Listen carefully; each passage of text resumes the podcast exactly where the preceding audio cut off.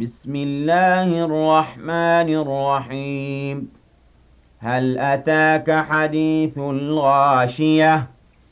وجوه يومئذ خاشعة عاملة ناصبة تصلى نارا حامية.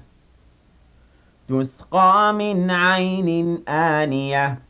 ليس لهم طعام إلا من ضريع لا يسمن ولا يغني من جوع. وجوه يومئذ ناعمة لسعيها راضية.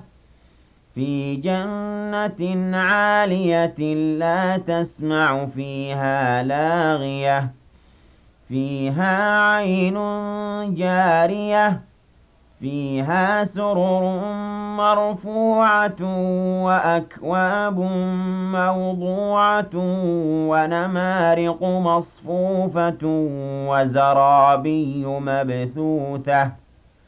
أفلا ينظرون إلى الإبل كيف خلقت وإلى السماء كيف رفعت وإلى الجبال كيف نصبت.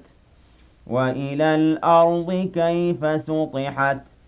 فذكر إنما أنت مذكر لست عليهم بمسيطر إلا من تولى وكفر فيعذبه الله العذاب الأكبر.